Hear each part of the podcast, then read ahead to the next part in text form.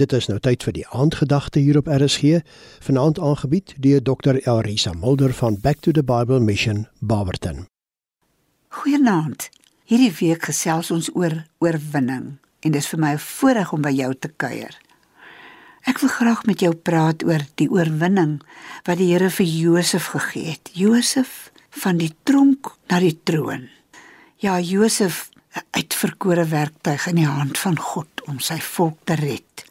Josef, die liefling van sy pa Jakob se hart, en daai pragtige kleed wat hy vir hom gemaak het en die jaloesie van sy broers ontlok het.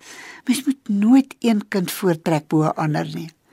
Josef is definitief deur sy pa bederf en so het die broers 'n haat in hulle harte teen hom gehad.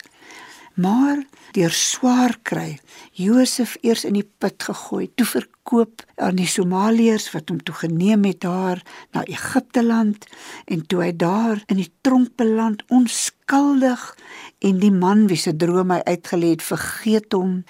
Ja, hy was 14 jaar in die tronk totdat God gedink het nou het hy sy les geleer en toe het daardie man onthou van Josef in die tronk en die Here het vir hom van die tronk tot die troon geneem.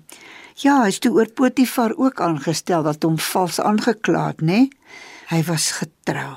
En dis my gebed vir myself, vir my familie en vir jou wat nou luister, dat jy van jou tronk na die troon geneem sal word, dat jy getrou sal wees in die moeilike dae, sodat jy oorwinning kan behaal. Moenie moedeloos word nie. Vertrou die Here. Hy sal 'n sukses van jou lewe maak. En toe het Josef ook sy broers vergewe, hulle wat hom verkoop het, hulle wat jaloers was, hy het hulle volkome vergewe. Daarom kan jy sien die Here het oorwinning behaal vir Josef. Kom ons bid. Here, U weet wie luister nou. U weet wie voel dat hy in sak en as sit, eintlik in 'n tronk. En ons bid. Ons bid saam nou dat U sukses sal maak van elkeen wat beleef dat hy 'n mislukking is en dat U oorwinning in sy lewe sal bring. Ek bid dat elkeen 'n totale oorgawe aan U sal maak, die man van Nasaret, sodat U self 'n oorwinning vir ons kan gee en vir ons oorwinnaars kan maak. Ek bid dit in Jesus naam. Amen.